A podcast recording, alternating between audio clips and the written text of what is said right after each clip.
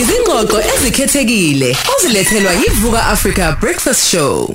Ni- nike nayibona indaba ka Mac G eh ukuthi nayo njengo siyamazi ke uyi podcast Oh, podcast and chill. eh pod- eh, ya uya uya uya Into engasabi muntu. sekunama chillers akhona nje uyabona eh futhi u- uthathwa njengomuntu okuyena o number 2 ngasho ngithi nje mhlambe cishe eh, eAfrica eh singambeka Afrika. kanjalo kanjalo Oh, Africa. nangaphesheya nangaphesheya kwezilwandle Wow. igama lakhe seliyaziwa kakhulu eh futhi ke uyaziwa ke kakhulu ke nanokuthi ke uma ngabe ehleli nalabo asuke ehleli nabo uba nendlela yakhe ethile eh akwazi ukuthi ke ababuze ngayo kangokuthi ke usekwazi ukuthi ke Ayisikhona. ahehe nabantu abakhangisayo wesigqemeza njengoba nani niboneke lo lwazi. Eh manje kunezinsolo ayivezayo zokuthi usesola sengazithithi eh, uyibona eseyimbangi mhlawumbe ikakhulukazi eziteshini zemsakazo ngoba eh, yena usekwazi ukuthi abukwe ab- abantu abafuna ukuzokhangisa eh, la kwi podcast yakhe. Ezinye izinto lezo ayibalayo uthi ke kumphatha kabi kakhulu lokho ngoba naye ukwenye iligi eh, nazo kanti zinazo zikwenye iligi.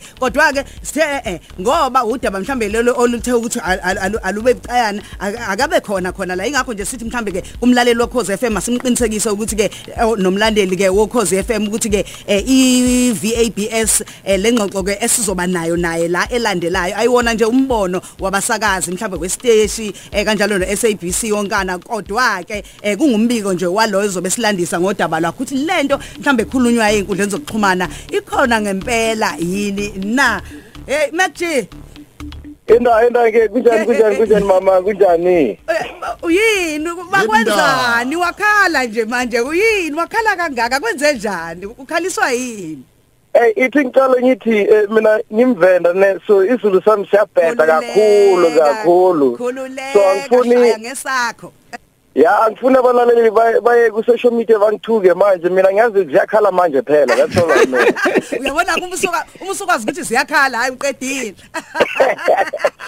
No mama what, what- what's happening is that uh, uh, i podcast yami uh, mayikhula ikhula ne? Yeah. kuna ama radio station uh, that uh, uh, uh, abana abalaleli ufana neikhozi. Wabona ikhozi nabalaleli so ikhozi right mara kunezinye station abana abalaleli and eh, ba- ba- baphele ba- all they have left kwama advertisers wabona?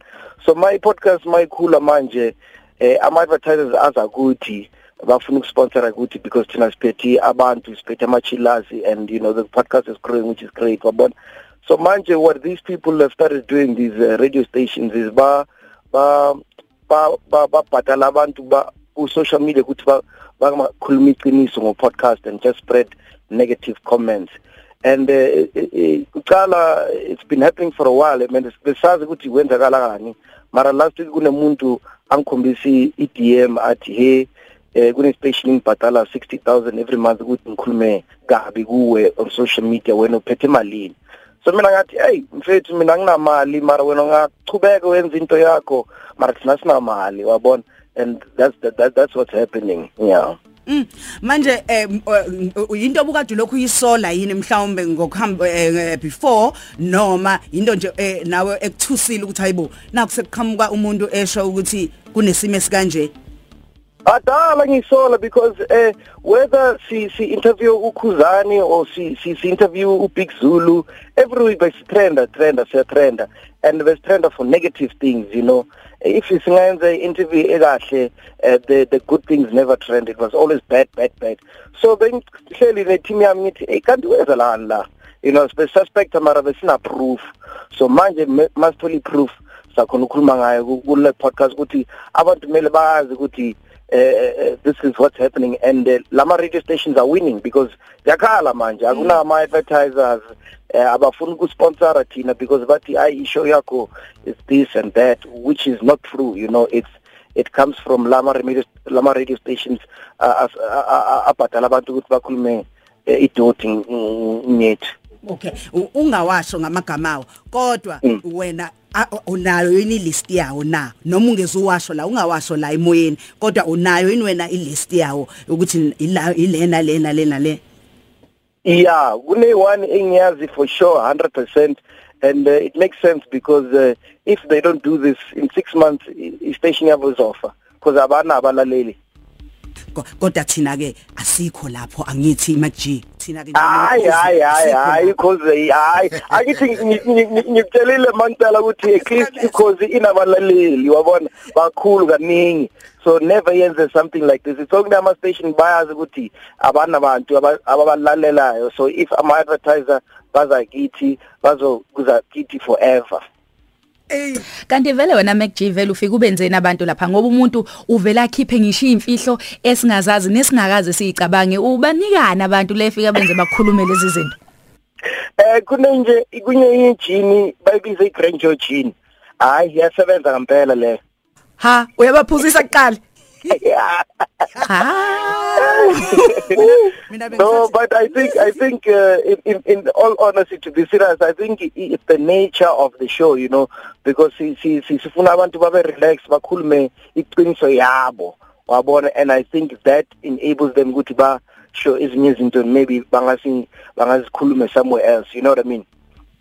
ngikuzwa kahle but awunayo yini i- i- i-feeling yokuthi wena MacG ngakolinye uhlangothi nawe uresponsible ngokuthi as much as ufuna ukuthi abantu bakhulume izinto kodwa futhi bangabe sebedicilela phansi igama lomunye umuntu o bamlimaze nje totally. I mean sizike sika sazizwa lezi zinto. Ngiyakuzwa ukuthi uyasho ukuthi kutrenda kakhulu lokho oku negative but wena ukho yini worried nge nge- livelihood yomunye umuntu uma ngabe se destroyeka ngomuntu kade bizowena Eh ngiwari kakhulu. I mean beng- be- be- bengikhuluma ngo no- noSizo Dlomo uh, this week. Uh, uh, athi okay yes eh eh, eh labantu benza. So mar nawe ungabaniki iammunition ukuthi Yeah. bayenze wabona? So i think you know ukhuluma iqiniso lapho ngi- ngi- ngiyaba worried sometimes you know eh ukuthi ngingabaniki too much ammunition. Yo, hayi manje ngoba phela besize sibuzana impela sithi una yini le ehe abantu kangaka lapha kumekujingale mhlambe kwe content yakhe? Nani nani? Eh njengoba us- unolwazi esho nje ukuthi yini yenza ukuthi abantu bakhipha amaqiniso sithi hayi eh mhlambe hayi mhlambe unenyoka. Ubekhonde Sithi, "Hayi, unenyoka yakhe. Hayi amancoko nje lawo. Eh nolwazi busangena No hayi ngiright ngisafuna ukucindezela kakhulu i- i- i- int- intwana. Sisengakubiza ngentwana MacG noma sewubhuti omdala hayi angiboni.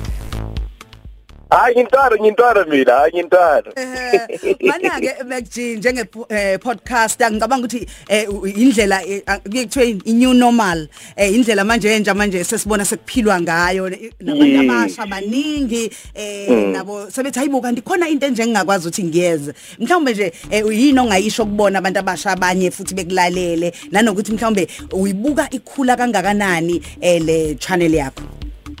Yeah, I think eh eh eh, eh, um abantu abancane if bafuna uba creative and I don't even think it's abantu abancane anyone eh, akafuna uba creative you know. Okay. Eh, eh, eh, I mean even ufana nawe eh, I mean I mean there's a huge uh, uh, audience uh, that you know uh, um, speaks Zulu or whatever you know. Imagine if bekune podcast yakamazulu you know? I mean i think it would be massive you know? Just like uh, station south coast is massive. So i don't even think it's just for young people but mm. anyone in general that akafuna uba creative i think the only thing you must do is just start. And then also mayikhula into yakho ungachintshile abantu because abantu ba- ba- bamamela wena because bafuna wena. So if uzolalela abantu baningi and then uchange istyle sakho hayi cha i- i- i- inga never hear uh, uh, it won't go far i- i- into efuna ukuyenza wabona? And then as as thina i-podcast sifuna uku um sifuna ukuvakasha amanye ama provinces you know we've got an South African tour we've got an African tour and then next year we're planning on a world tour because I, KZN kuna chillers akaningi. So every year we try to do two three or four events uh, uh, in KZN sizoba sikhona lapha nge nge Durban July this year. Oh kulungile mfowethu. Eh bakulandela kanjani eh einkundleni zokuxhumana kuma socials Our socials is just MacG Unleashed or Podcast and Chill with MacG. And cela abantu ba subscribe ku channel yethu. It's called uh, Podcast and Chill with MacG ku YouTube and uh, si si siba sikhona la uh, every week. Sibonga kakhulu ku Mac G intwana Le yivuka Africa Breakfast Show. Ukhosi FM. Hamba Hamba phambili. phambili.